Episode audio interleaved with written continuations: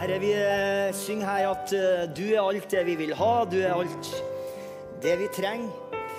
Og det kjenner vi også i dag, at vi bare må ha, Herre, mer av deg. Vi lengter og vi tørster, og vi inviterer deg, Hellige Ånd, kom og fyll det rommet her med ditt nærvær. Kom og fyll hjertene våre, alle sammen. Sånn at vi virkelig får et møte med den oppstandende Jesus Kristus. Vi takker deg for at du fyller alle behov. Du møter hungrige hjerter. I Jesu Kristi navn. Amen. Amen.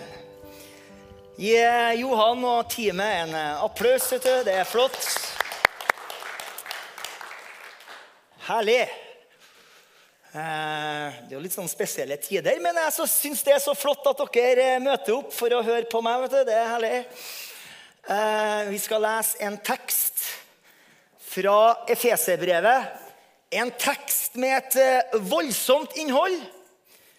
En tekst som eh, gjennom hele kirkehistorien har skapt mye spetakkel. Så da skal vi se om vi klarer å lande på to foter, så det ikke blir noe spetakkel her. Jeg tror jeg skal gå veldig, veldig bra. Det er fra Efeserbrevet 5. Eh, vi er jo eh, i, I den måneden her så er jo liksom det, det store temaet Den hellige ånd. Så det, også den teksten her handler om det, eh, og det vil du skjønne etter hvert. Efeserbrevet 5, fra vers 15. Der står det på følgende måte. Pass derfor nøye på hvordan dere lever. Ikke som uvise, men som vise. Så dere kjøper den beleilige tid, for dagene er onde. Vær derfor ikke uforstandige, men forstå hva som er Herrens vilje. Bli ikke full av vin, for det fører bare til utskeielser. Men bli fylt av Ånden, slik at dere taler til hverandre med salmer, lovsanger og åndelige viser og synger og spiller i deres hjerte for Herren. Og alltid takke Gud, vår Far, for alle ting i vår Herre Jesu Kristi navn. Og underordner dere hverandre i Guds frykt. Dere koner, vær underordnet deres egne menn, som under Herren. For mannen er kvinnens hode, slik Kristus er menighetens hode. Han er frelse for kroppen. Slik menigheten underordner seg Kristus, slik, skal derfor konene underordne seg sine egne menn i alle ting. Dere ektemenn, elsk deres koner, slik Kristus elsket menigheten og ga seg selv for den. For at han skulle hellige den idet han renset den ved vannbadet i ordet. For at han kunne føre den fram for seg selv som en herlig menighet uten flekk eller rynke eller noe slikt, men at den skulle være hellig og uten feil. På samme måte skylder ektemennene å elske sine egne koner som sin egen kropp. Den som elsker sin kone, elsker seg selv. Ingen har noen gang hatet sin egen kropp, men han gir den mat og har omsorg for den slik Herren gjør med menigheten. For vi er lemmer på hans legeme, av hans kjøtt og av hans ben. Derfor skal mannen forlate sin far og sin mor og være knyttet til sin kone, og de to skal være ett legeme. Dette er et stort mysterium. Jeg taler her om Kristus og menigheten. Men hver enkelt av dere skal elske sin egen kone som seg selv, og kona skal se til at hun har ærefrykt for sin ektemann. Dere barn, vær lydige mot deres foreldre i Herren, for det er rett. Hedre din far og din mor. Dette er det første budet med et løfte. For at det kan gå deg godt, og du kan leve lenge i landet. Dere fedre, egg ikke barna deres til vrede, men oppdra dem i Herrens tukt og formaning. Dere slaver, vær lydige mot dem som er deres jordiske herrer, med frykt og respekt, i hjertets oppriktighet, som for Kristus. Ikke som øyentjenere, som bare vil gjøre mennesker til lags, men som Kristi tjenere, som gjør Guds vilje av hjertet. Gjør deres tjeneste med iver, som for Herren og ikke for mennesker. Dere vet at alt det gode en gjør, skal enhver få igjen fra Herren, enten en er slave eller fri. Og dere herrer, gjør det samme mot dem. Slutt med å true, for dere vet at også deres egen Herre i himmelen For dere vet at også deres egen Herre er i himmelen, og hos ham er det ingen forskjellsbehandling. Slik lyder Herrens ord. Takk, Herre, for at du inspirerte apostelen Paulus til å skrive her ordene inn i datidens kontekst, men takk også at du er her og gir liv til disse ordene, så de kan tale liv og kraft og håp og tro inn også i våre liv, inn i vår menighet, inn i vårt fellesskap. I Jesu navn. Amen. For en stund siden så leste jeg en tegneserie i et blad. og det den tegneserien handla om apostelen Paulus og kvinner i det første århundret i byen Efesus, som vi leste om her. Og I den tegneserien så kommer Paulus til byporten.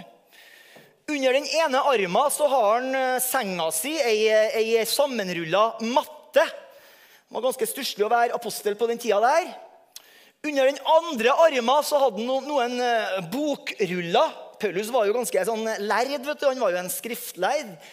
Og når han blir tatt imot av kvinnene ved, i byporten, da, så kommer det tydelig fram i den tegneserien at uh, når du kikker på ansiktet til de her damene, at de er veldig misfornøyd med Paulus.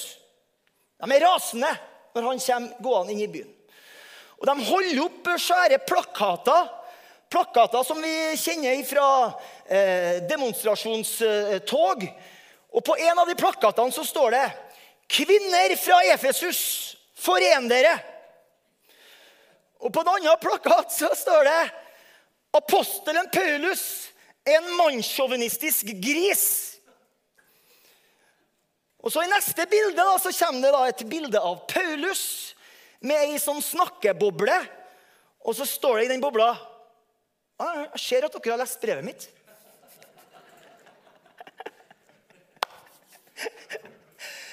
Min påstand det er at tegneserien tar helt feil. Veldig feil.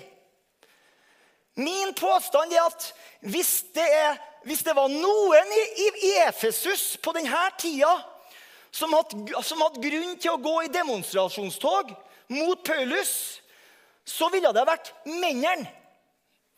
For det som Paulus skriver i dette brevet, og særlig det vi leste i vår bibeltekst, det snur det første århundrets forståelse av relasjoner helt på hodet. Det som Paulus skriver, eller det han våger å skrive, vil jeg si, det er helt revolusjonerende. Så det ville ha vært mennene som sto i byporten med plakater når Paulus kom til Efesus. Og De ville ha uttrykt at Hva er det du holder på med, Paulus? Du utfordrer jo alle etablerte regler som har bestått gjennom hele menneskehetens historie. Når jeg leser Paulus sine brev, så konkluderer jeg med at han fremmer en alternativ forståelse av virkeligheten. Og det er en virkelighet som er sentrert om personen Jesus Kristus. Som er korsfesta, død, begravd, oppstått igjen. Som sitter ved Faderens høyre hånd i himmelen. Altså, han sitter på tronen. Og det fører til en alternativ forståelse av menneskelige relasjoner. Du kommer til å forstå det her etter hvert. Du skjønner Det som Paulus serverer av tanker i dette brevet, det er liksom mind-blowing, som vi sier på engelsk. Det er så revolusjonerende, og det står i en så sterk kontrast til alt annet at sjøl 2000 år etterpå, altså her i dag, så har vi ennå problemer med å forstå det. Vi har ennå problemer med å fullt ut forstå rekkevidden av det som Paulus skriver. I hjertet av den teksten som vi leste, så finner vi en formaning i vers 18. En formaning som alle pinsevenner kan utenat. Men som dessverre nesten ingen pinsevenner leser i den sammenhengen som det står. Der står det 'ikke drikk deg full av vin, men bli fylt av ånden'. Altså, og I den sammenhengen her så er det som om Paulus sier at slutt å kaste bort tida di på det som da Paulus kaller for utskeielser, som er bortkasta. Det, det, det som representerer tomhet. Ikke prøv å fylle skjeen din med det som ikke kan fylle skjeen din. For du har blitt skapt på en måte som gjør at det, det eneste som egentlig kan fylle deg, det er ånden. Det er Guds ånd. Bli fylt av ånden. Og Hvis vi husker det som pastor Frank preka om eh, forrige søndag, så betyr jo det egentlig eh, bli fylt med Guds vind, bli fylt med Guds pust, bli fylt med Guds kraft, bli fylt med Guds ild, bli fylt med Guds liv. Ja, bli fylt med Gud sjøl. Alle de andre tankene som Paulus serverer i den teksten som vi leser her, flyter ut fra denne fyllinga av ånden. Og hør, det er ikke en tolkning. Det er ren og skjær grammatikk. Aha, og det kommer vi til snart. Vi må lære noe her. i dag, Gud. Jeg vil påstå at hele det kristne livet flyter ut fra denne fyllinga av Guds ånd. Hør her. Teksten begynner fra vers 15 med en del sånne ulike ikke slash men-fraser. Ikke sånn, men sånn. Han sier vers 15.: Ikke lev som uvise men som vise. I vers 17 så sier han, 'Ikke lev som uforstandige, men forstå hva som er Herrens vilje.' Og så i vers 18 sier han, 'Ikke full av vin, men bli fylt av Ånden'. Så fortsetter han med en rekke konsekvenser. Og Dette er viktig å få med seg. Han fortsetter med en rekke konsekvenser eller resultat av å bli fylt av Ånden. I teksten videre utover så kommer det fem partisipper, kalles det. De står i presens. Partisipper ikke imperativ. Imperativ lærte på skolen. Det er befaling. Det er liksom bydeform. Det er ikke imperativer. Det er partisipper, som dessverre en del bibeloversettelser har gjort til befalinger. Partisipper, det er med andre ord resultatet og konsekvensen av befalingen i vers 18, hvor han sier 'bli fylt av Ånden', for det vil føre til det her. Er du med? Bli fylt av Ånden, og så kommer det 'slik at dere taler til hverandre med salmer, lovsanger og åndelige viser og synger og spiller i deres hjerter for Herren'. Og underforstått slik at dere alltid takker Gud, vår Far, for alle ting i vår Herre Jesu Kristi navn. Og underforstått slik at dere underordner dere hverandre i Guds frykt. Og så kommer det eksempler på hvordan det fungerer. da. Mellom mann og kvinne og barn og foreldre og jordiske herrer og slaver. Det står ikke 'underordne dere' som en befaling. Det er en partisipp i en serie av partisipper. Det er ikke en ny setning på gresk. Det er ikke et nytt avsnitt som en del bibeloversettelser har. Nei, nei, nei underordner dere et resultat av å bli fylt med Ånden. Så nevner Paulus en rekke menneskelige relasjoner for å nettopp eksemplifisere hvordan det her å underordne dere hverandre kommer til å fungere i praktisk liv, også i det kristne fellesskapet. Han sier hustruer, ektemenn, foreldre, barn, jordiske herrer og slaver eller tjenere. Og underordninga går hele tida i begge retninger. Hustruer underordnet sine menn, menn underordnet sine hustruer. Barn underordnet sine foreldre. Foreldre underordna sine barn. Slaver underordna sine jordiske herrer. Og jordiske herrer underordna sine slaver. Det er grunnen til at dette var så radikalt og revolusjonerende på denne tida. Å bli fylt av Ånden, det går til selve rota av menneskelige relasjoner. Det snur ting på hodet. Altså. Sånn at de tingene her kan komme opp med den riktige sida opp. Sånn som Gud hadde tenkt at det skulle være.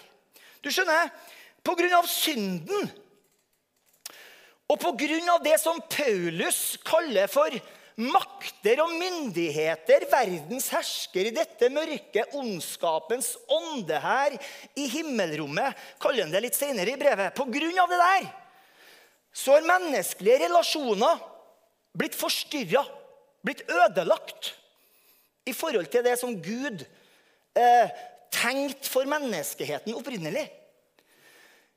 Og så kommer Jesus inn i verden. Og ved sin ånd, Den hellige ånd, så begynner han å gjenopprette menneskelige relasjoner til Guds opprinnelige plan og til Guds e- egentlige hensikt. Og I den teksten som vi leste, så presenterer Paulus det som mange kaller for Kanskje det står i Bibelen din som en overskrift 'hustavla' eller 'husholdningskoder'. Du skjønner at I det første århundret så hadde alle samfunn koder for hvordan eh, man skulle oppføre seg og forholde seg til hverandre. Det, det, er jo fint å ha. ikke sant?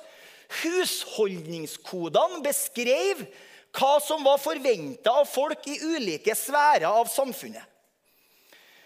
Og alle husholdningskodene i det første århundret nevner de samme tre typer relasjoner som Paulus snakker om her. Ektemenn, hustru, far, barn, jordiske herrer og slaver. Det som var tilfellet, var at i de aller fleste tilfeller så var ektemann, far og jordiske herre det var en og samme mann. For de aller fleste så var hjemmet også arbeidsplassen. Så folk levde og arbeida på samme plass. Sånn at ektemann, hustru, far, barn, jordisk herre og slave det ble på en måte levd ut under samme taket. Og Paulus han sier, eller han våger å si at når Den hellige ånd kommer, og når Den hellige ånd kommer og fyller mennesker med Guds liv og med Guds lys, så vil hele dynamikken i disse relasjonene forandres. Altså, Han kommer med en ny husholdningskode. Og Vi skjønner jo det, vi som har lest litt historie, at det måtte komme en ny husholdningskode når vi setter oss inn i den historiske konteksten. Nettopp fordi kvinner, barn og slaver de ble behandla som objekter. Som kunne brukes av ektemenn, fedre og jordiske herrer. Etter deres taktstokk. For å dekke deres behov. Og Så fantes det selvfølgelig unntak. Det fantes helt sikkert ektemenn, fedre og jordiske herrer som anerkjente Guds bilde i kvinner, barn og slaver. Men generelt sett så ble kvinner, barn, slaver ble behandla som sjakkbrikker på et sjakkbrett som ble flytta av ektemenn, fedre og jordiske herrer. Og I det første århundret så var husholdningen det var den grunnleggende byggesteinen i samfunnet. Og Argumentet deres var at hvis husholdningen går bra, så vil også den større politiske virkeligheten gå bra. Og alt det der høres jo smart ut. Så den store filosofen Aristoteles han snakker veldig mye om husholdningene i samfunnet. Store deler av denne hovedboka hans, som heter For politikk, snakker om hvordan ulike husholdninger bør styres og administreres.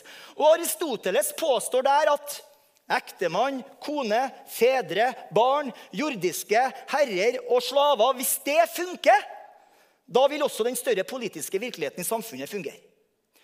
Så sier han i den samme boka, og det er jo litt synd, da, at det er en del av husholdningens vitenskap å herske over hustru og barn.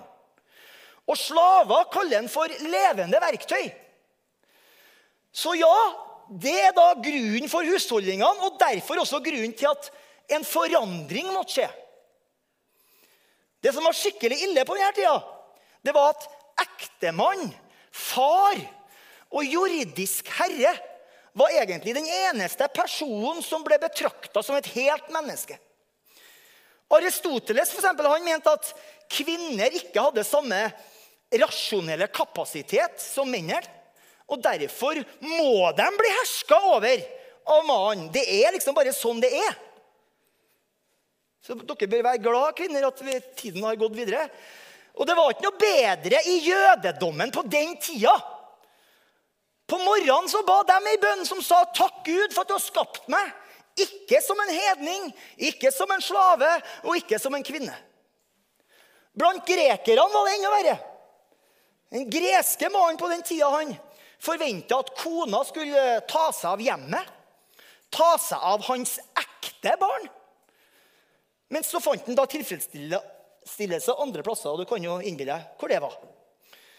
I Roma på den tida var det er enda verre. Men ja, det fantes selvfølgelig unntak. Men husholdningskodene var at hustruer underordna seg menn. Barn underordna seg fedre. Slaver underordna seg jordiske herrer. Det er bare sånn det er. Og så kommer Jesus til verden. Aha. Jesus Kristus kommer til verden. Han går omkring i Galilea, i Samaria og Judea. Han forkynner evangeliet om riket, leser vi. Så blir han døpt av Johannes i Jordan. Guds ånd kommer over ham. Og Så går han omkring, leser vi, salva av Gud med hellig ånd og kraft. Gjør godt og helbreder alle som er underkua av djevelen, fordi Gud er med ham. Så blir han tatt til fange, han blir korsfesta, han dør, han blir begravd. Så står han opp igjen fra de døde, og, og så drar han til himmelen.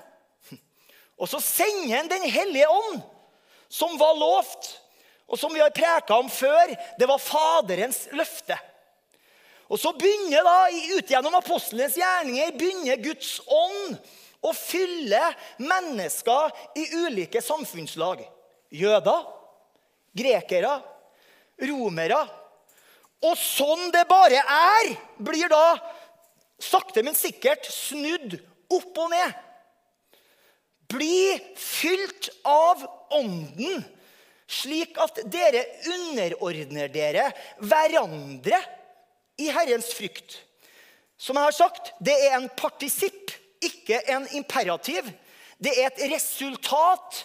Det er ikke en befaling. Det å gjøre det til en befaling, det er å kommunisere noe som ikke står der, aldri har stått der. Hør her. Når vi blir fylt av Ånden, så finner vi oss sjøl, sier Paulus, i å snakke på en helt annerledes måte sin.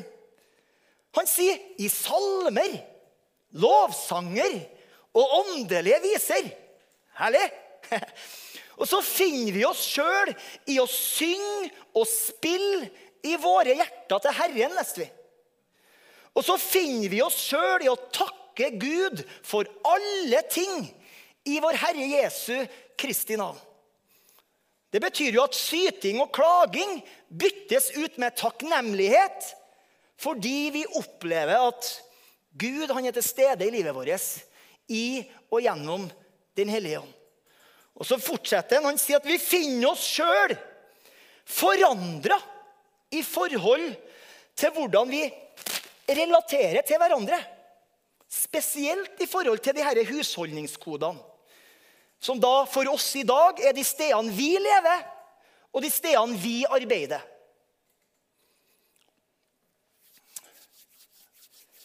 Eh, vi finner oss med andre ord sjøl i å være underordna hverandre i Herrens frykt, som en kaller det. Ikke en befaling, men en konsekvens. En konsekvens, et resultat av å være fylt av Ånden. Du skjønner, Uten fylden av Den hellige ånd så er det umulig for et menneske å i sannhet være underordna et annet menneske. Veldig vanskelig. Jeg sliter veldig med det. Men det er Den hellige ånd som kommer og forandrer menneskets hjerte. Og da finner vi oss sjøl i å leve etter en annen husholdningskode. I Kristi frykt, kaller jeg det. Jeg tenker at Det handler om i lys av hvordan Jesus levde ut det å være herre og mester. Når Paulus skriver det her, så tenker jeg, jeg tror, at han tenker på en tekst fra Markus evangelium, kapittel 10, vers 42 til vers 45. Det er det jeg tror Paulus har i bakhodet. For det er en veldig viktig tekst for å forstå Jesus og for å forstå Guds rike, hvordan det fungerer. Der leser vi at to av Jesu disipler, Jakob og Johannes, de kommer til Jesus og så sier de, Hør, hør hva de sier. 'Mester, vi vil at du skal gjøre for oss det vi ber deg om.' Aha, har du lest det? Ganske frimodig. Kanskje også litt arrogant. Jesus vil at du skal gjøre for oss det vi ber deg om.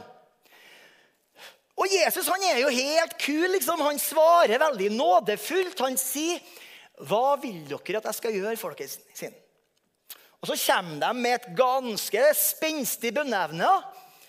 La oss få sitte, én på din høyre side og den andre på din venstre side når du kommer i din herlighet.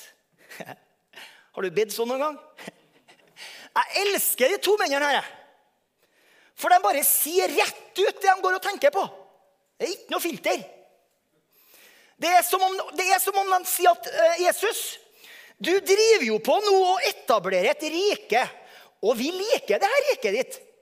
Så når det rike kommer helt og fullt en gang i framtida, kan ikke du da bare gjøre det sånn at uh, jeg får sitte på høyre, og han får sitte på venstre side? Kan ikke du gjøre det? Det høres jo greit ut, Jesus. Og så står det at når de ti andre disiplene hører det der, så blir de harm, står det i min bibeloversettelse. På trøndersk så betyr det at de ble grinete. Når de ble grinete, så igjen er jo Jesus ganske sånn eh, vis. da, Så han tenker at nå må jeg rense lufta her. Så Derfor så samler han alle disiplene rundt seg, og så sier han Og her må du legge merke til et ord som Jesus gjentar tre ganger.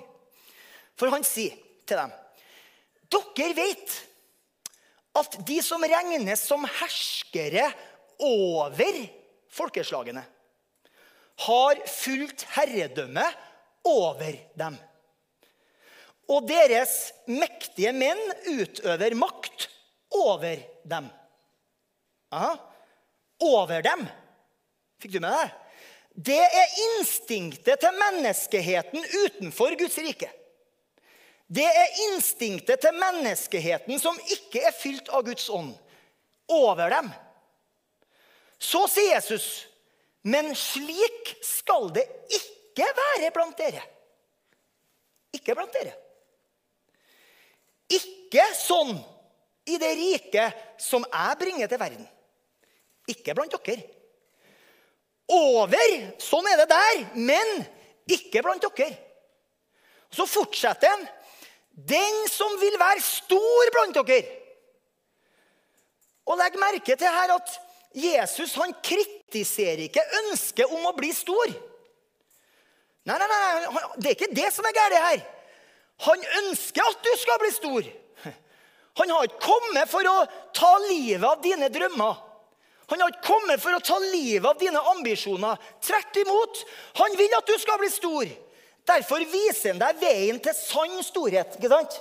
Han viser deg hvordan du kan bli stor. Så han sier, 'Den som vil være stor blant dere, skal være deres tjener.' Og den av dere som vil være den første, skal være alles slave. Utenfor Guds rike så er det over. Men ikke blant dere, sier Jesus. Blant dere er det under. Blant dere er det tjener. Og resultatet av det er at du blir først, og du blir størst. I den gamle menneskeheten før og utenfor Kristus så er det over. I den nye menneskeheten så er det under. Den nye menneskeheten fylt av Guds ånd, der er det under. Paulus brukte jo uttrykket 'underordne'. Og det ordet betyr egentlig å stå under. Det betyr å stå under. På engelsk så blir jo det her mye kulere. To stand under. Hvis du snur det, bare eh, tar annen rekkefølge Understand. ikke sant? Akkurat samme to ordene. Det funker ikke like bra på norsk. Men tanken den er jo det at I cannot fully understand a human being without standing under that human being. Jeg kan ikke fullt ut forstå et annet menneske før jeg står under det mennesket. Henger du med? På samme måte, Jeg kan ikke fullt ut forstå Jesus Kristus uten at jeg står under Jesus Kristus. Og jeg vil heller ikke fullt ut forstå deg før jeg stiller meg under deg. Det er Bibelens budskap. Og Les hva som står da i vers 45 der i Markus' evangelium. Der står det For menneskesønnen kom ikke for å bli tjent, men for selv å tjene og for å gi sitt liv som løsepenge for mange. Menneskesønn. Vi snakka om det for noen, en måned siden. eller noe sånt. Menneskesønn er den tittelen som Jesus bruker mest om seg sjøl. Basert på Daniels bok så betyr den tittelen sånn røftlig sagt hersker over alle herskere. Konge over alle konger. President over alle presidenter. Direktør over alle direktører. På barne-TV-en husker vi jo at vi lærte 'sjefen over alle sjefer'. Ikke sant? Altså, det er en beskrivelse av han som står over alle andre. Han som står over alle andre, velger å legge av seg det derre overgreiene. Og isteden stille seg under for å leve som en tjener. Og Da er det ikke en overraskelse at når da Hans ånd fyller oss, som Paulus da sa i Efeserbrevet 5, så flytter vi også oss fra over til under. Er vi med? Og På den tida så var det her en revolusjon. Og det er det også i dag på mange måter. Det her med en gjensidig underordning som søker de andres beste. Ja, vi har selvfølgelig ulike roller, ulike oppgaver, men verdien er helt lik. Og vi er alle underordna Kristus og hverandre. Før jeg slutter, så skal, jeg, så skal vi sammen se på et eksempel i Jesu liv hvor det her kommer aller tydeligst fram. Og Da er vi i Johannes evangelium, kapittel 13. Og det her er natta før Jesus går til korset. Og vi er på øvresalen, hvor Jesus vasker disiplene sine føtter. Jeg skal bare gjenfortelle sånn eh, røftlig hva som står der. Det som skjer, det er at Jesus reiser seg Johannes 13. Jesus reiser seg fra bordet, fra måltidet. Han legger fra seg klærne, og så tar han et håndkle og så binder han det rundt seg.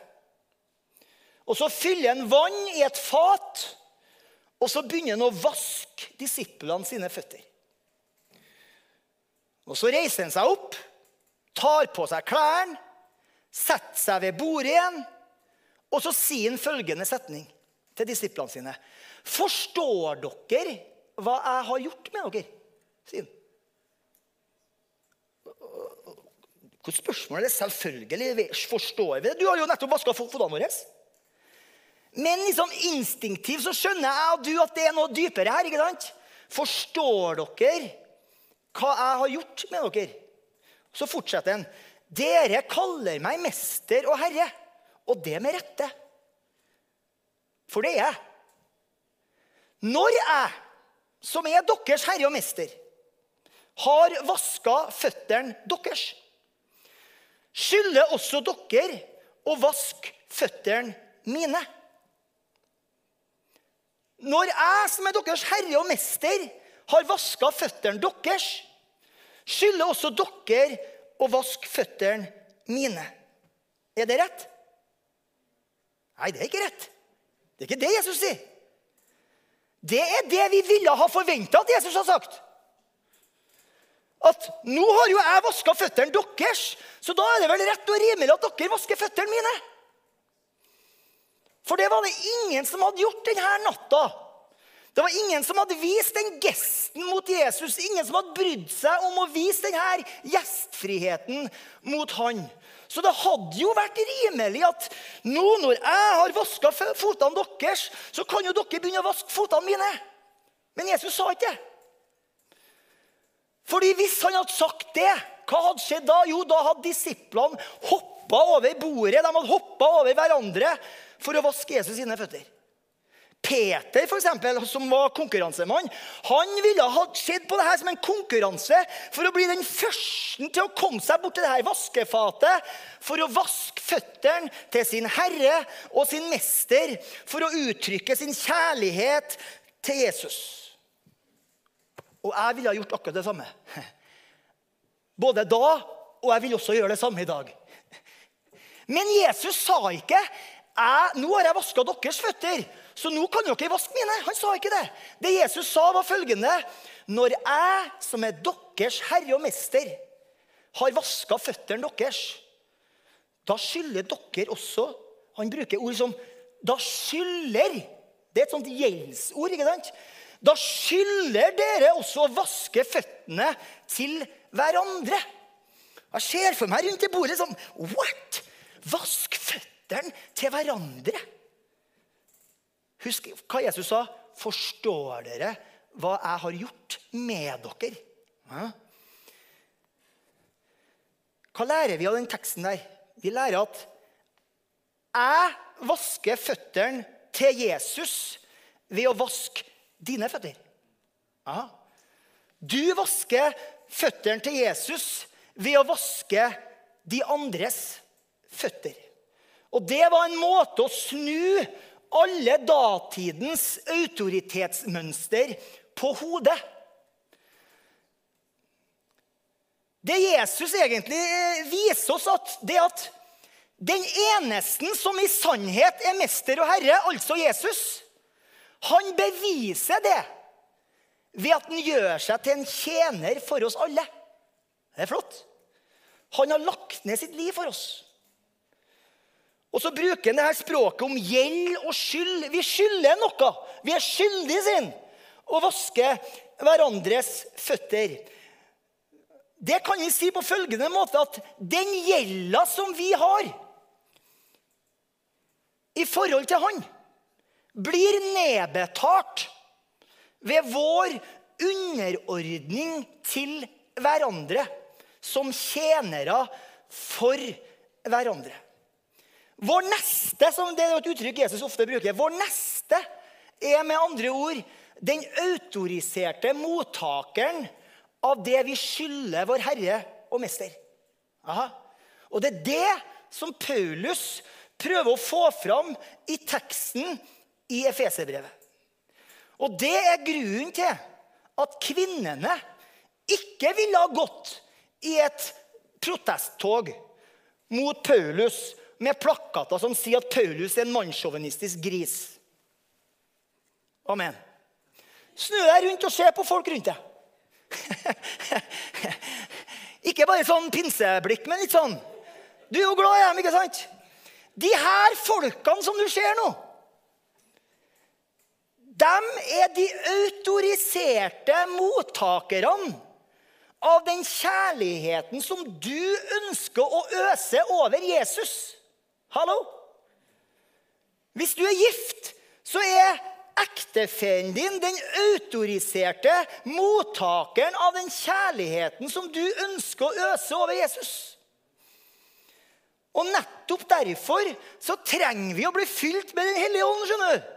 For det der klarer ikke vi sjøl. Vi klarer ikke det. Den alternative forståelsen av virkeligheten som Paulus presenterer, den er så radikal at det er bare ånden til Jesus, han som er den sanne tjener og samtidig herre og mester, det er bare han som kan få det til å skje. Amen. Skal vi be sammen? Himmelske Far, nå står vi her, og så erkjenner vi at vi er avhengig, vi er avhengig av deg. Vi står her, og så lar vi oss fylle av Den hellige ånd. Og la det forandre språket vårt. Fra syting og klaging til hemningsløs lovsang og tilbedelse. Herre, jeg ber om det. La det forandre vår forståelse, så vi ikke er uvise og uvitende, som Paulus sa, men at vi kan bli fylt av visdom, og at vi forstår hva som er Herrens vilje. Jeg ber om at det skal gå til roten av våre, roten av våre problemer og våre utfordringer, som veldig ofte handler om relasjon med andre mennesker. Kom, Hellige Ånd, kom og fyll oss. Jeg ber om det i Jesu Kristi navn. La det være noe mer enn bare eh, den forståelsen som mange har, at, at, at det her bare er en følelse når Ånden fyller oss. Herre. La det være noe mer enn det. Kom og fyll oss og forandre livet vårt. Fyll oss så det får konsekvenser for hva vi tenker, hva vi, hvordan vi oppfører oss, hvordan vi snakker, hvordan vi gir av våre penger, våre ressurser, for at ditt rike kan gå fram. Herre, jeg ber, kom og fyll oss med Den hellige ånd i Jesu Kristi navn. Amen. Hvis du aldri har sagt ja til Jesus, hvis du ser på YouTube akkurat nå, aldri har sagt ja til Jesus hvis, hvis du ikke kan si med overbevisning at 'Jesus, du er min Herre', 'Jesus, du er min frelser' Hvis du ønsker denne forandringa som jeg har snakka om i dag, en forandring som bare kan skje ved Guds ånd, så starter det med en forandring i ditt hjerte. vet du. Og den forandringen den skjer når du tar imot Jesus som din herre og frelser. Lovsangerne kan komme og ta over. Eh, så da kan du be denne bønna sammen med meg. Om du sitter her, eller om du ser på TV, så bare der du sitter, så gjentar du det jeg sier. Himmelske Far, jeg kommer til deg. Jeg åpner hjertet mitt, og jeg ber om at du skal fylle meg med deg sjøl. Tilgi min synd. Rens meg fra alt, alle mine synder. Ta, ta, imot meg, Jesus, og gjør meg til ditt barn. Jeg kommer til deg, og jeg takker deg for at du tar imot meg. Jeg bekjenner med min munn Jesus, du er herre i mitt liv. Og jeg tror i mitt hjerte at Gud reiste Jesus opp ifra de døde. Takk at jeg er din, og du er min, i Jesu navn. Amen. Hvis du ba den bønna for aller første gang, så er vi som kirke her for deg. Så da tar du kontakt med oss. Alt av informasjon ligger jo på internett. Og hvis du er her og gjorde det der for aller første gang, så er det bare å komme og prate med oss etterpå. Gud velsigne deg.